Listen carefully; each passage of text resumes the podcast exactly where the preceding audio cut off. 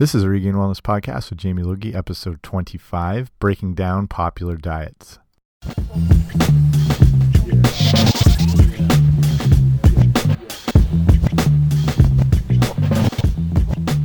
All right. Hey, everyone in podcast land. Welcome back to the Regain Wellness Podcast. I'm Jamie Logie. I run regainwellness.com. If you haven't been over to there already, head on over.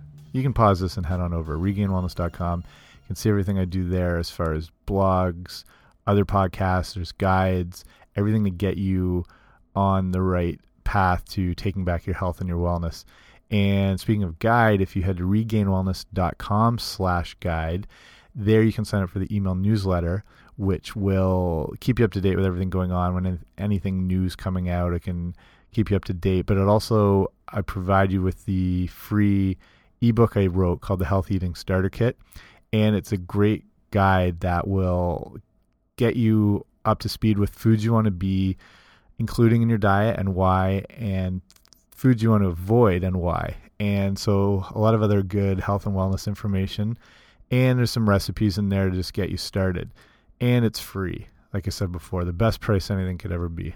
So, today we're looking at fad slash popular diets. So, if you look at something like, say, Slinkies or hula hoops Pet Rock or Kim Kardashian. What are these things? They're all meaningless fads that have come and gone, and some hopefully will be gone pretty soon. Maybe the hula hoop can provide some aerobic benefits, um, so that might have some benefit to it. But like we're looking at fad, popular diets, thing that's things that come into the public conscious, people jump on board with, but do they really have some merits? Do they really have benefits? Are they just going to come and go? I guess slinkies have lasted for a while, which were discovered from old uh, machine coils when someone dropped one down the stairs and it's like, hey, kids will pay a fortune for these things. Um, same thing with post-it notes. were invented by 3M by accident when they were working on a, a adhesive glue and found out it just wouldn't stick enough. And someone was smart enough to think of them as being kind of temporary um, adhesive that could come and go, and then they invented post-it notes from that. But some of the diets we'll look to today will be things like the South Beach diet, the Mediterranean diet, a few other ones. So sort of shed some light on these different things if you've been considering them and wanted to know some more information, if they're actually going to be helpful or if there's something you should just stay away completely away from. The concept of a diet is pretty much ingrained in everybody. Um, I, most people have probably been on one at some point. The word itself comes from the old French word diete and the medieval Latin word dieta, which means a daily food allowance. And it's we've come to think of it on like obviously as a restrictive period of eating and when someone's trying to cut back on calories and primarily for weight loss when you think of diet obviously that's associated together so the first one of these four we'll look at is the mediterranean diet and the diet came about with influence from traditional diets from Greece, Italy, Spain. It really focuses around the consumption of fish, like seafood, olive oil, legumes, unrefined grains, fruits, vegetables. The big problem is you've probably heard this mentioned all Mediterranean countries vary vastly in their traditional diets. There's not one encompassing, like all encompassing Mediterranean diet. So, example, I've done a lot of traveling, so I've seen a lot of the Mediterranean Mediterranean sorry, region. I've seen a lot of Italy, and just as example, uh, northern Italy, there's more cooking done with with lards and butters and olive oils used for dressings. And olive oil is considered to be one of the staples of this diet. However, in countries like Egypt or Malta and even Israel, olive oil consumption is quite minimal. So that's usually one of the first things that's associated with the Mediterranean diet is olive oil. But not all Mediterranean countries consume olive oil at the same rates. So even just within Italy, I've been up and down all over Italy. I lived in England for a while, so it's easy to always jump over there for trips. And the, the way the diet varied just through a couple regions that were only a couple hours apart, where some had way more olive oil use, um, say down like Tuscany, like the Chianti regions, where a lot of the great wines are growing, and that's where a lot of the olive oil comes from. So obviously they would have a lot more compared in the north. It was used a little more sparingly. So and that's just within the one country. Um, the the pros with the diet is it's been seen as being really low in saturated fat and high in the monounsaturated fat and the medium chain triglycerides that come from olive oil. And the Mediterranean diet is probably the most studied of all the popular diets. And I'll link a bunch of studies that show the beneficial health effects and the decreased mortality that comes from following this type of diet with the, like I was saying, with the monounsaturated fats and the uh, the plant based foods that are incorporated in. It's it's easy to incorporate many aspects of this way of eating when it re revolves around things like olive oil, many fruits and vegetables, and fresh fish whenever possible. That's not always accessible for most people, but when you can find it and it's fresh, seafood is one of the kings of all food groups as far as especially if you can incorporate things in like salmon or shrimp oysters clams mussels specifically things when you're you're essentially eating the entire animal, which is something we've gotten away from. If you think as a as a species, we had evolved and developed eating a majority of the entire animal, which would involve organ meat, brain, cartilage, tissue, everything. Whereas today, with say like with protein specifically like beef and whatever, we're more eating like the muscle meats on these animals and not encompassing the entire animal with say like the, the liver on on healthy actual cows is one of the highest um, nutrient sources there is as far as the abundance of minerals and vitamins that are in again if it's a healthy animal that are contained in the liver. And it's just something a lot of people turn their nose up at. And that's the advantage when you eat seafood when it's a smaller version but it's an entire animal like shrimp or clams or mussels or oysters, you're eating that entire animal and getting that fuller range of benefits where we tend to limit ourselves with the muscle meats of other forms of protein. Okay, the second popular fad ish diet, and probably one of the most popular ever, is the Atkins diet. And it seems like a bit of a weird throwback because this was big in like the early 2000s. It's quite a while ago now, but it is still a heavily investigated and highly sought after diet for information, and people are still um, involved in it and still researching it. And it's it's a huge search through Google. It it really hasn't gone away, even though it's kind of slipped out of the mindset. And what's impo important is a lot of the information and concepts that came from that are still they've sort of evolved into different things today. So that's why I still think it's a relevant thing to look at. And like I said, many people think of this as a diet from the early 2000s. That's when it really got going. But Robert Atkins, who wrote and created this whole thing, first wrote a book on the whole subject in back in 1972, and it's called the Dr. Atkins Diet Revolution. So when the modern version in the early 2000s came out, he had modified parts of the book, but he had not really changed the original concepts that were in that early version called the the New Diet Revolution.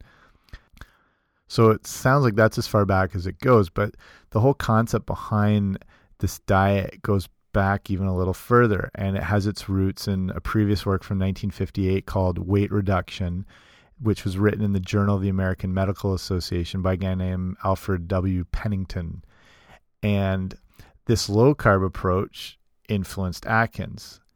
And again, this work by Pennington can be traced back even earlier they kind of all these things sort of feed off each other and evolve. So this research from 1958 and this book called or this previous work called Weight Reduction can be traced back to a guy named William Banting. And Banting wrote what could be considered the first diet book from 1869 and it was called Letter on Corpulence. And you can actually read the whole thing still online and I'll put a link to that um, in the show notes, which today will be regainedwellness.com slash 025. So this really is the start of the low carb movement, which is completely relevant today. What's today? February 16th, 2015. Carbs are still an issue. People are confused by them. They're not sure if they should avoid them, which ones are best. The low carb movement goes all the way back 1869. Banting, this guy William Banting was an English undertaker who suffered from obesity And under the supervision of a doctor named William Harvey, he had to undertake, which is funny because he's an undertaker, a low carb diet that cut out refined grains, starch, sugar, and beer and focused on things like meat, greens, fruit, and a little bit of dry wine. So after a while on this diet, Banting started to lose weight. He reduced his joint pain and he was able to walk downstairs properly after originally having to walk backwards downstairs to limit the pressure and pain on his joints. So you think all this way back where this research and original work on low carb diets had started, you fast forward to the early 2000s and then Atkins is again back in full force. I'm sure you might have tried it. You probably know someone who did, or the very least, you'd been aware of it. The idea is people were cutting out all carbs. That was the idea behind the Atkins diet, and eating all the protein they wanted, including cheese, butter, bacon. The Atkins diet was correct in this case that reducing refined carbohydrate intake will have really positive effects on your health and help keep your blood sugar under control. And that's one of the great benefits that should still be taken away and applied today. Refined carbs cause a real hormonal effect due to the insulin surge that results from eating what is essentially sugar. That's what refined carbs are. You just have to think of them as another form of sugar. And obviously, these these insulin surges and hormonal effects can lead to obesity, diabetes, heart disease. Like I said, this can still be a positive way of eating if your protein sources come from really good protein, specifically like true grass fed and grass finished animals. I, I'd probably avoid. I, I, think the issue with the Atkins diet when it was going on, people were just looking at any protein as beneficial, whether it was hot dogs or pepperoni, um, anything they'd find in a supermarket.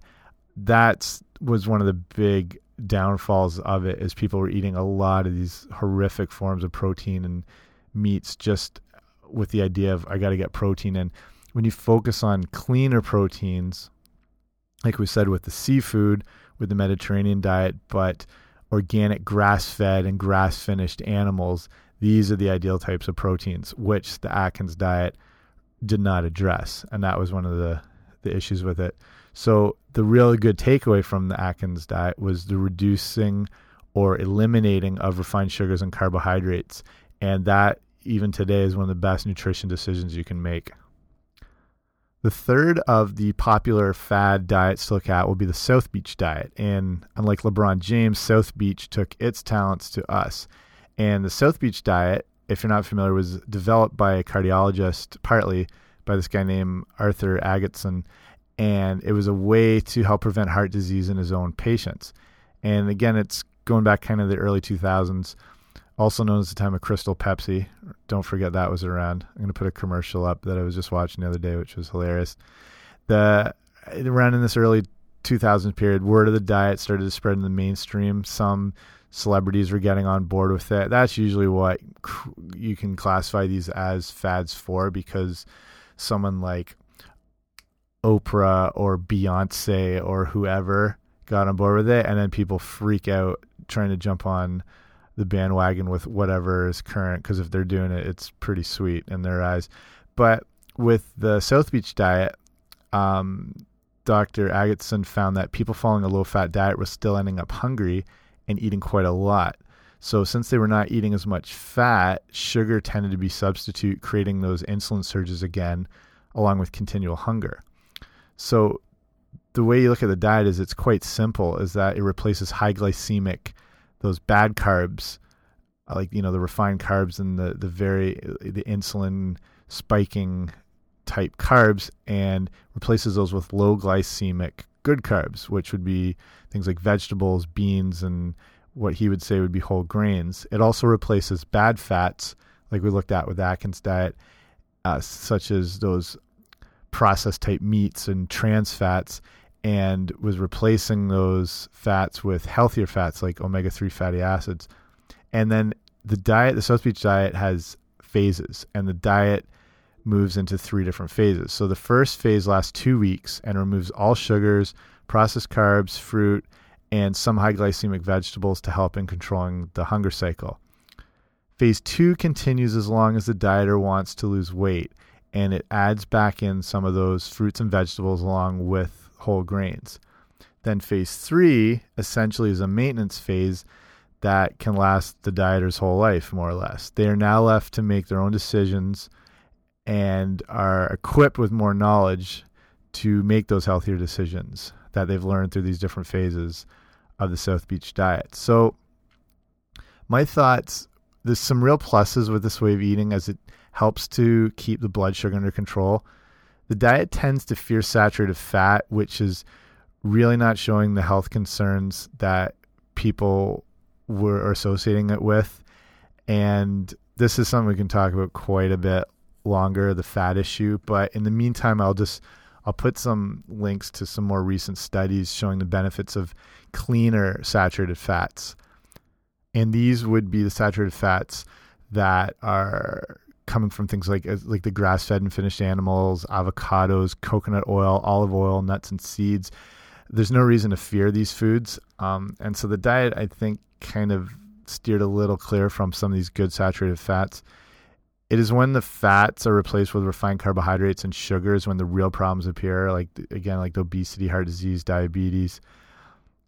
It's it's time to really move away from this low fat myth, and like even the Harvard Medical School is starting to recognize that we've taken the wrong approach to good saturated fats over the years. And again, like this is something we'll cover later, but for the meantime, if you want to head to regainedwellness.com slash 025. I'll put more of the, the recent studies that sort of expose the the myth and, and a few blogs I've written that dig a little deeper into the, the saturated fat uh, danger myth there. So the fourth diet that is a can be considered a fad or popular diet will be the paleo diet, which is still very relevant at this moment. As like South Beach diet's still been popular. Like I said, Atkins is faded out, but it's kind of evolved into these other things. And the Mediterranean diet is still being looked at. Paleo diet is probably the most current at this moment. In again, what are we here? February 2015, the most relevant of the recent diets, and it's not so much as a diet as it is a lifestyle and even a movement almost. The the paleo diet can also be called the ancestral diet, and it revolves around eating foods that only existed in Paleolithic times. And the Paleolithic era ended around 10,000 years ago, or roughly around the time Larry King graduated high school. It's around this 10,000 year point, kind of the end of the last ice age. That's when man started to domesticate plants and grains and moved into more of an agricultural agricultural era. Easy for me to say. This is when many researchers and archaeologists would say that the human species started to deteriorate. Our bone structure got smaller, our, our, our brain cavities got smaller. Uh, I'll put a, a got a really good infographic from the University of Cambridge that shows kind of the difference between modern man and primitive man as far as stature and strength and bone structure, all that stuff. I'll put that on the show notes as well. Um, and it's if you've ever been to like you know museums of natural history or anyone's been into New York, and been to the the museum there and you go into the Hall of Human Origins and you can see the change in the stature and the structure of the skeletons and the bones over the years and there's a striking difference and and like I said researchers and archaeologists will say when we moved into a grain based agricultural movement and diet and moved away from hunter gatherer lifestyles that's when the deterioration started to take place. And just like if you're not able to go see this graphic, it's essentially like our bone structures not only weaker, our brains are smaller, but our faces and jaws have become slimmer and more compromised. And they associate this to the fact that grains and breads were depleting us of minerals.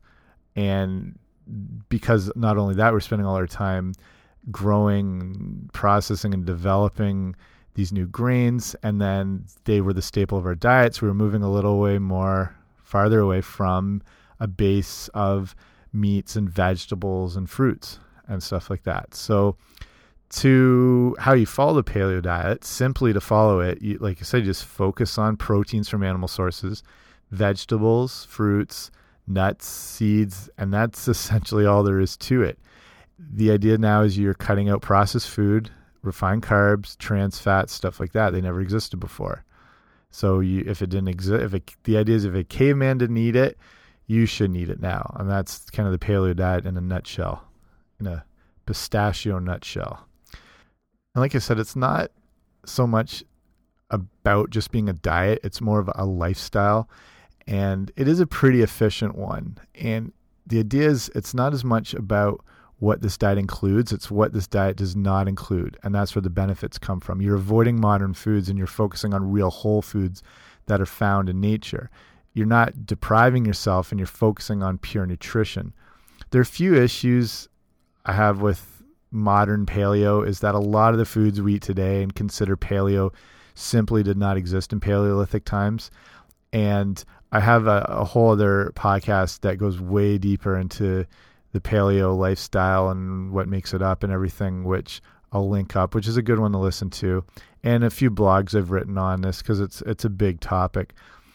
And like, but what I'm basically getting at is that we're not eating exactly how we used to in Paleolithic times because of these different things that only exist now, and the fact that different foods were only available to different regions around the world. Where today we can eat stuff from all corners of the globe that our ancestors would not have had access to, and like they're very available year round. Whereas Paleolithic people would only had access to certain foods at certain times a year because they couldn't grow them throughout the year. It's only when they would harvest, or things like honey, which was only available at certain points. So they weren't having this onslaught of availability that we have today. So, like I say, it's modern paleo, what we're doing today, not exactly a, a primitive diet.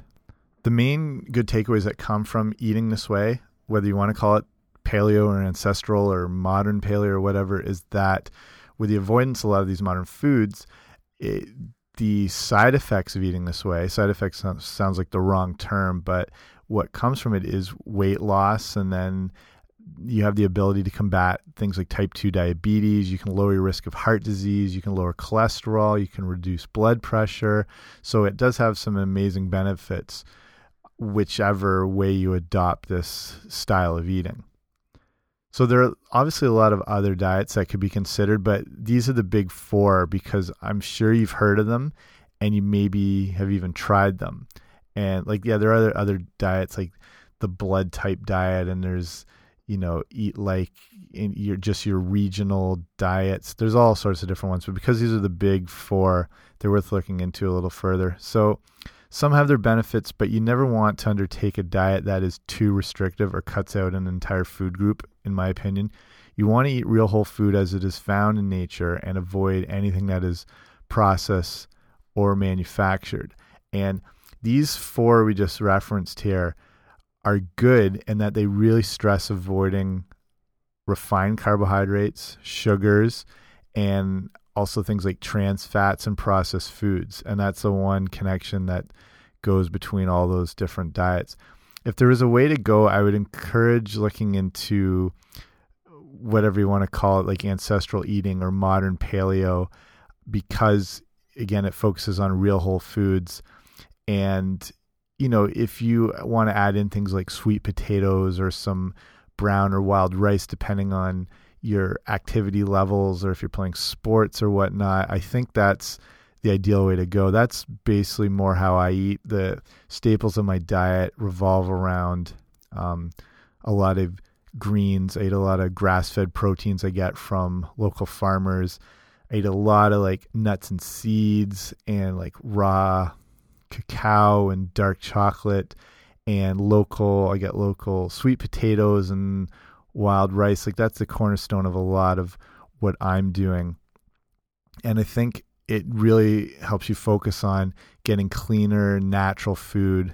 Um, and this can be beneficial if you're just new to getting healthy, if you've been active for quite a while, if you're stuck in a rut and you're looking for kind of a new direction in your diet and your health and your wellness. The main takeaway again here is focus on the real whole foods, which you really can't stress enough. This means if you're at a grocery store, you want to stick to the outer ring. That's where you find the real whole foods. They're not in the aisles, they're not in packages or boxes. try to find if you can venture out of the grocery store. Try to find markets like farmers markets to get the best versions of food possible, and the sooner you can do that and start adding in this good stuff, it starts to push away all that crap that's been there because there's no more room for it. Then those, you know, those refined processed foods are just shoved to the wayside. So this this style of eating, focusing on the real whole foods, is is the core of all these different popular diets that did provide a lot of results for people. Um, they, you know, keep researching some more to see it. Like I said, you're not, you don't want to look at it this as a diet because that kind of conjures up thoughts of restrictions and depleting yourself and torturing yourself and whatever. It's more that idea of creating that lifestyle change and converting your food choices from, you know, like I said, refined and processed stuff to the most natural and whole food versions you can possibly find.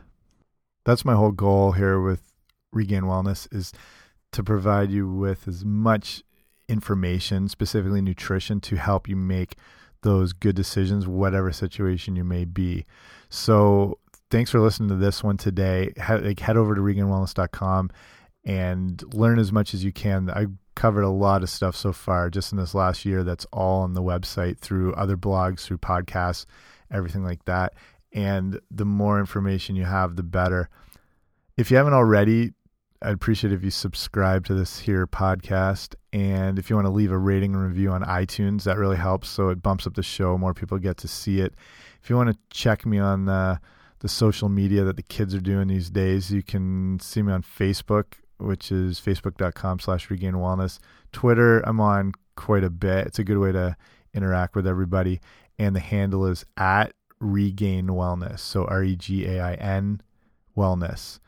And if you want to email anything that you want to see covered on here, questions or whatever, it's the email address is info at regainedwellness.com. And in the next few episodes, there'll be some good interviews coming up with some um, a real weight loss success story. I think you'll find interesting. Talking to a detox and cleansing expert, so you'll get a lot of informa- information on the benefits of that also talking to a registered holistic nutritionist. So that'll be a ton of good information. We'll be talking about like heart health and things of that nature.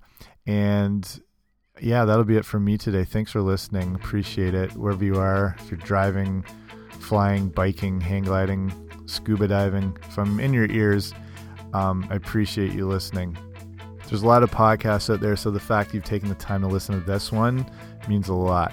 So, with the whole pursuit of your health and wellness, and we're just looking at all these different diets, idea is to start, you know, making changes and striving towards um, bettering yourself through your nutrition, through your fitness, through your health, and everything. But it's not always going to go perfect. But the idea is that you are making the the process and you're underway with the idea of taking back your health. So, in that whole process, remember it's about progress and not perfection. See you next time.